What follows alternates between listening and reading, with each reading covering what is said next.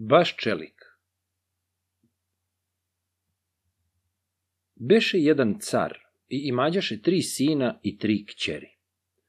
Kad ga starost obuze, dođe vreme da umre. Na samrti dozva sinove i kćeri, pa sinovima preporuči da sestre udaju za onoga ko prvi dođe i zaprosi ih. Podajte, reče.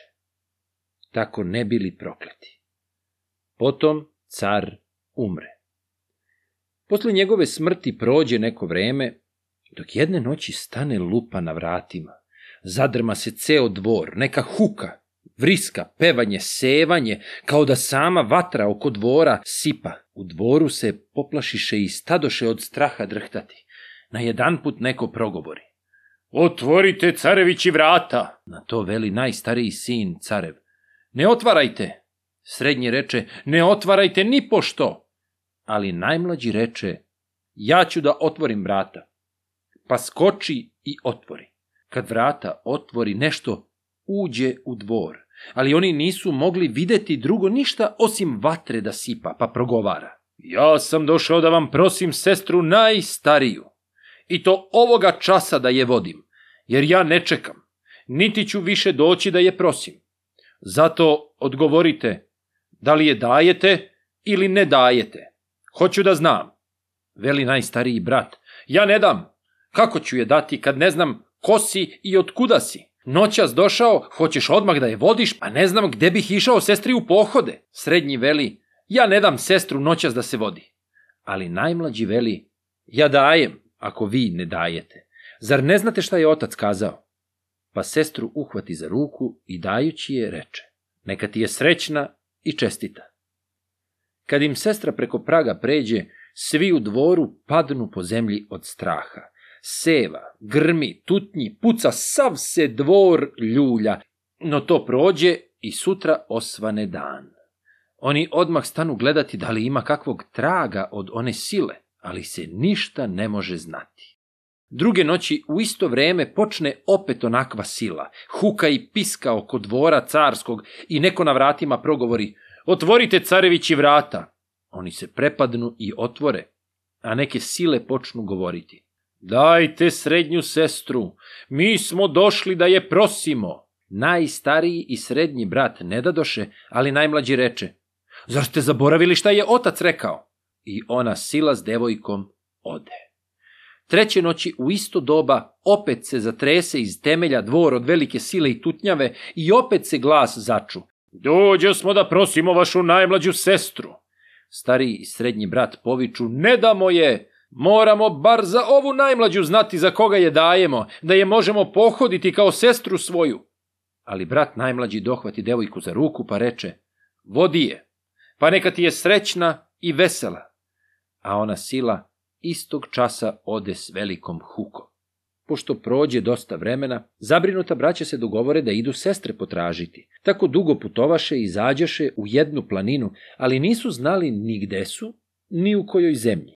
Kad se mrak uhvati, oni se dosete da im voda treba tamo gde budu zakonačili, pa krenu dalje. Dođu do jezera i tu sednu da večeraju. Onda reče najmlađi brat, vi spavajte, a ja ću stražu čuvati. Prođe neko doba noći, dok se sve jezero stade ljuljati. Pljusa kod jezera udari po vatri i zagasi je polovinu. On potegnu sablju i stane do same vatre, ali eto se pomoli Aždaja sa tri glave pa na braću jurne da ih proždere. No najmlađi brat bude junačka srca, ne budi braću svoju, nego sam pođe na Aždaju. Udari je tri put i sve trioj glave odseče, pa trupinu baci u jezero. Dok je on to činio, vatra se sasvim ugasila. Onda on, nemajući čime vatru zapaliti, pođe u pustinju ne bi li nešto video, ali nigde ništa. Najposle se popne na visoko drvo, pa opazi vatru da se sjaji. Učini mu se to blizu, pa pođe da vatru donese i braći naloži. Tako je dugo išao, kad najednom dođe u pećinu. U njoj gori velika vatra i oko nje devet divova. Natakli dva čoveka i peku ih uz vatru. Na vatri stoji veliki kazan pun isečenih ljudi. Kad to carev sin vide, jako se uplaši. Vratio bi se, ali ne može, nema kud. Onda poviče. Dobro veče, družino, ja vas tražim odavno. Oni ga dobro dočekaju i kažu mu, ako misliš naš drug da budeš, hoćeš li ljude jesti i s nama u lov ići? Odgovori carević.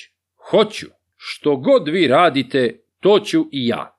E, kad je tako, onda sedi. Pa svi posedaju oko vatre, skinu kazan, povade meso i počnu jesti. S njima i carević jede, ali im oči zavarava, pa baca meso preko sebe. Hajde, vele divovi, da idemo u lov, jer i sutra treba jesti.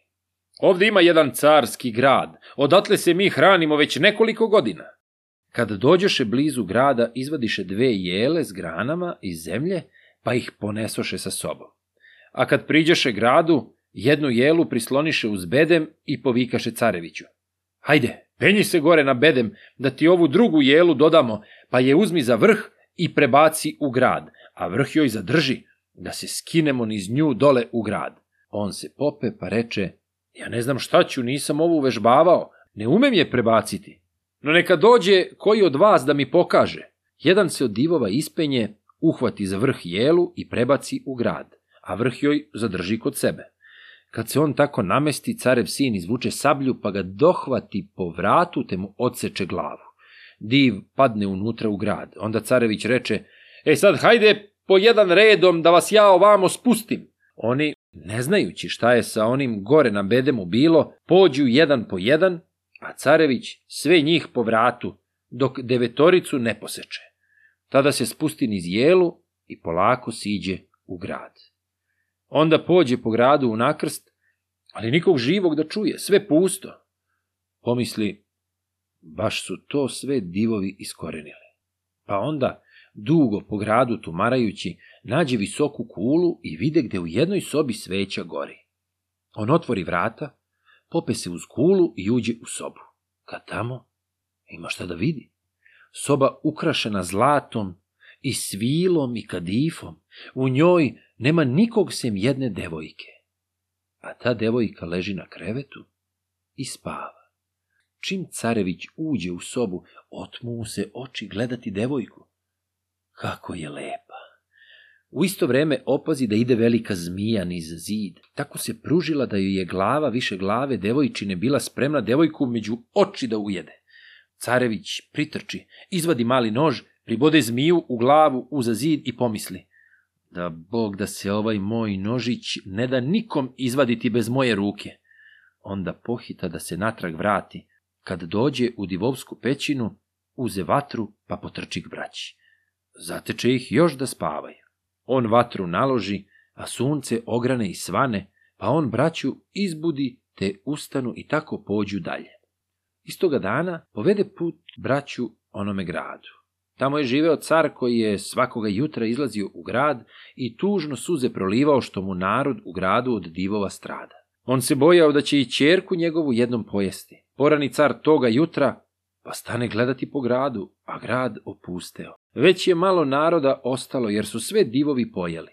Kad na jedan put vidio neke jele onako čitave iz zemlje izvađene, pa uz bedem prislonjene. Kad dođe bliže imao je šta da vidi.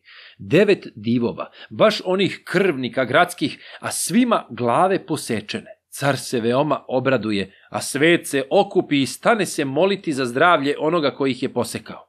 U isto vreme dođoše i sluge da jave caru kako je htela zmija da njegovu kćer ujede. Kad to car čuje, pohita u onu sobu svoje kćeri, kad tamo, a zmija pribodena uza zid.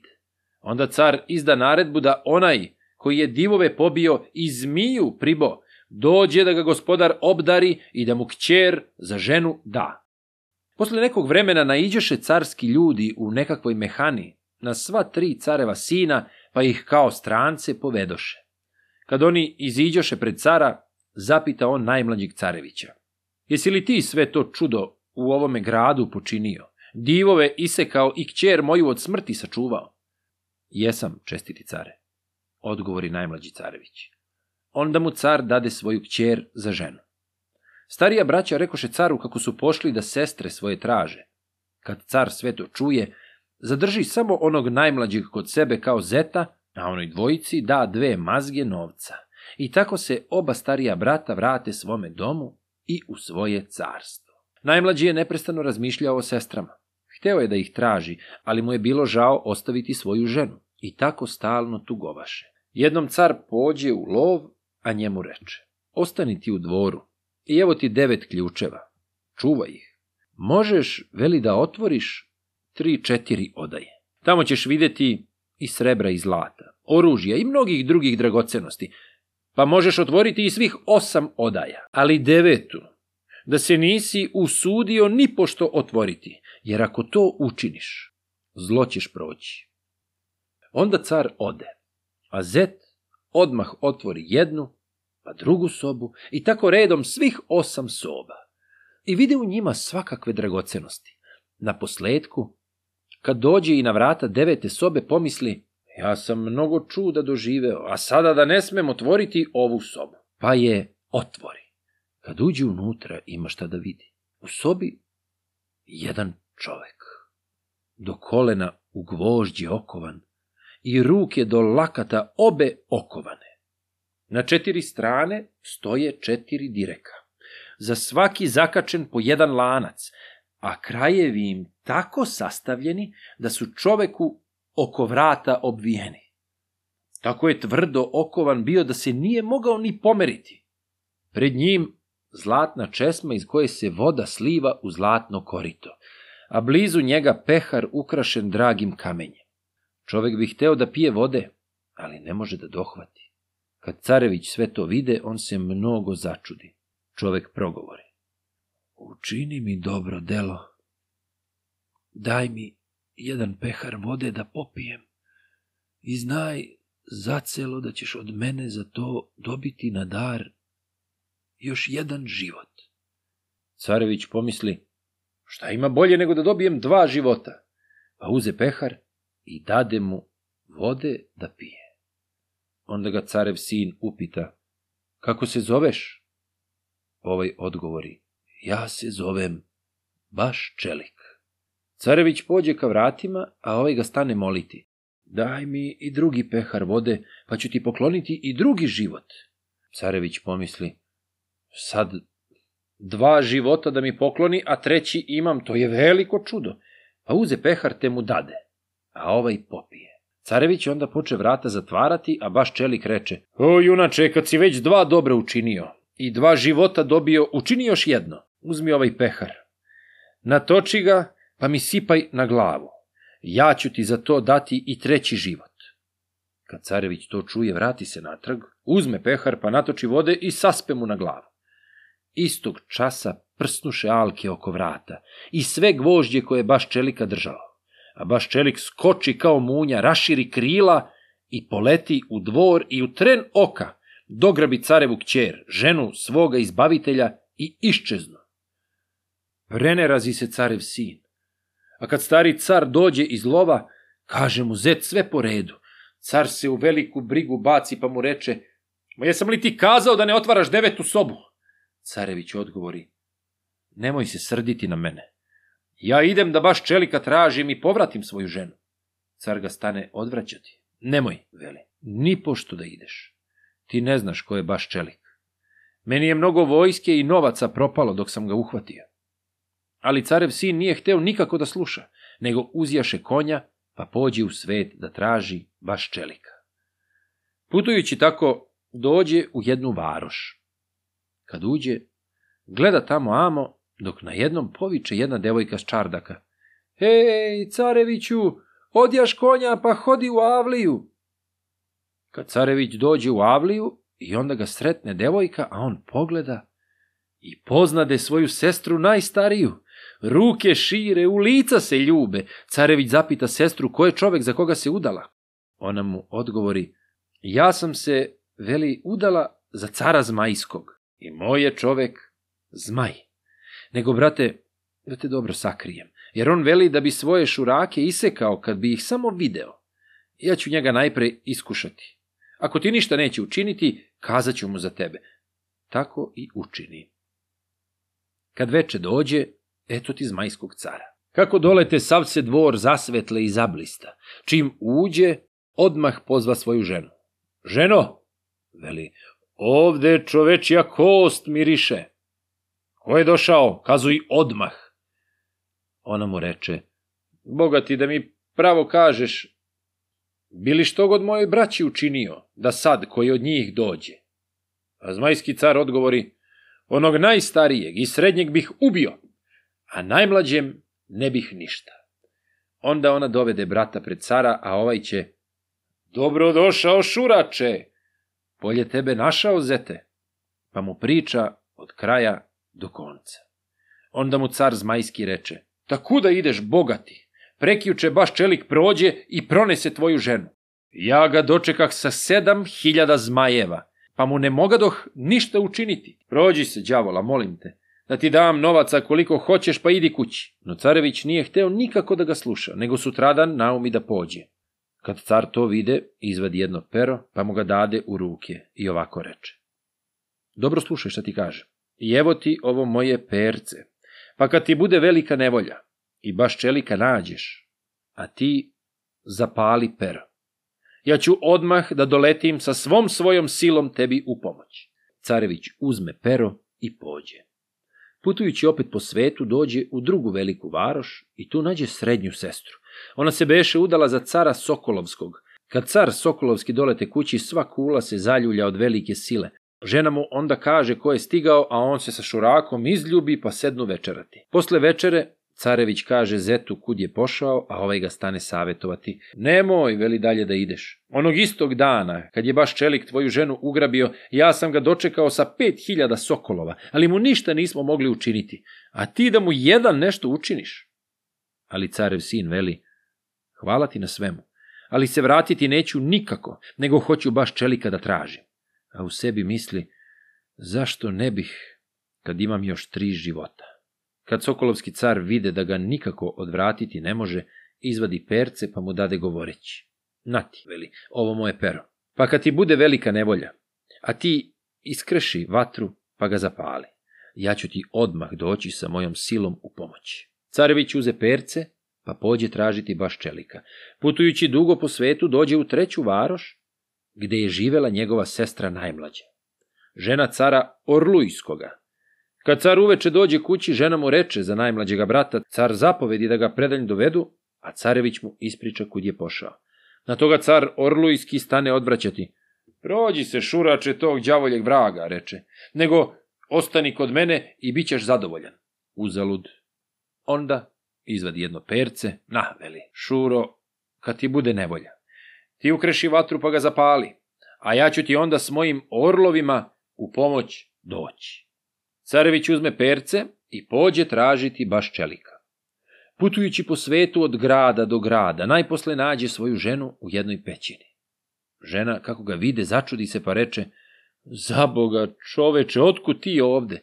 A on joj sve po istini kaže i veli, ajde ženo, da bežimo. No ona mu na to odgovori, kuda ćeš, kad će nas baš čelik stići odmah, pa će tebe pogubiti, a mene vratiti. Carević, znajući da ima još tri života da živi, nagovori ženu da beže, pa tako i učine.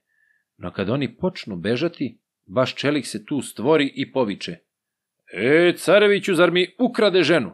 Pa mu ženu otme i kaže. Ja ti sad život praštam, jer sam ti tako obećao, pa idi. Ali više za ženu nemoj da se vraćaš, jer ćeš poginuti.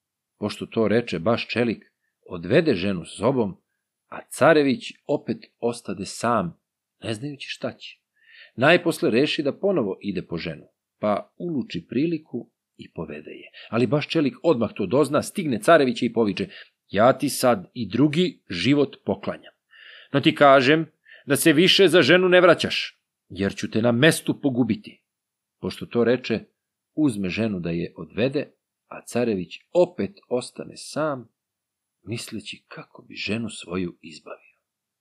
Najposle pomisli, a što bih se baš čelika bojao, kad još imam dva života, jedan što mi je on poklonio, a drugi moj, pa odluči i sutra da se ženi vrati. Hajde, veli da bežimo. Ona ga odvraćaše od toga, jer će ih baš čelik stići, no čovek njen primora je, pa počnu bežati, ali i baš čelik opet brzo stigne i poviče. Znaš li da sam ti kazao da ću ti pokloniti tri života? Evo sada ti treći poklanjam. I više života od mene nemaš. Nego idi kući, nemoj život svoj da izgubiš. Videći da protiv ove sile ne može ništa, carević pođe kući, ali je neprestano mislio kako bi ženu svoju baš čeliku oteo. Na jedan put pade mu na um šta su mu zetovi kazali kada su mu perca dali. Odmah se carević digne i vrati onoj pećini, pa kad iz daleka vidi da je baš čelik nekud ode, javi se ženi. Ona se začudi i prepadne, pa mu reče, pa zar ti nije omrznulo živeti kad si se vratio po mene? No on joj kaže za zetove kako su mu dali svaki po jedno perce, pa kako će mu doći u pomoć ako bude nevolje. I tako oni opet počnu bežati, ali baš čelik to odmah dozna, pa izdaleka poviče. Stani, careviću, nisi utekao. A carević kad vide baš čelika, povadi ona tri pera i kresivo, pa stade kresati i sva tri pera zapale. Ali dok je palio, baš čelik stigne i potegne sablju da ga poseče, u isti čas eto ti čuda. Dolete car zmajski sa zmajevima, car sokolovski sa sokolovima i car orlujski sa orlovima, pa se baš čelikom strašno pobiše i mnogo se krvi proli, ali baš čelik opet ugrabi ženu i uteče. Onda tri cara stanu svog šuraka savetovati, idi sad kući, kad si se smrti izbavio. Carević njima veli da će još jedan put sreću iskušati. I ženu, ma na koji način ukrsti. Carevi, zetovi njegovi velemu, nemoj, poginućeš zaista sad ako odeš, jer života ti drugog nema osim onoga tvoga. Ali carević neće za to da čuje.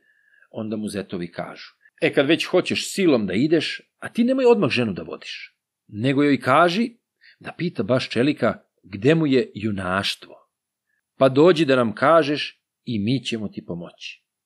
Carević ode krišom žene, nauči je kako da kuša baš čelika gde mu je junaštvo, pa se vrati natrag. Kad baš čelik kući dođe, žena ga okupi pitati. Boga ti, gde je to tvoje junaštvo? Baš čelik joj ne htjede odmah reći, ali najposle stane kazivati. Daleko odavde. Ima visoka planina. U toj planini lisica. U lisici srce. U srcu jedna ptica. U onoj je ptici moje junaštvo.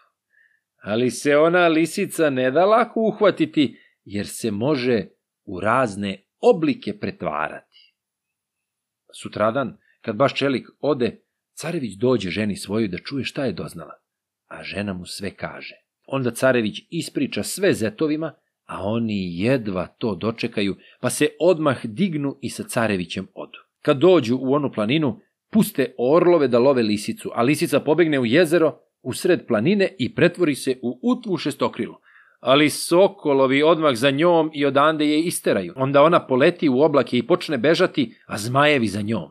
Ona se brzo pretvori u lisicu i stane po zemlji bežati, ali je tu orlovi i ostali dočekaju, salete je i uhvate. Carevi zapovede da se lisica raspori, a ptica izvadi i u vatru baci. Kako ptica izgore, baš čelik pogibe. Carević onda uze svoju ženu, pa ode s njom kući.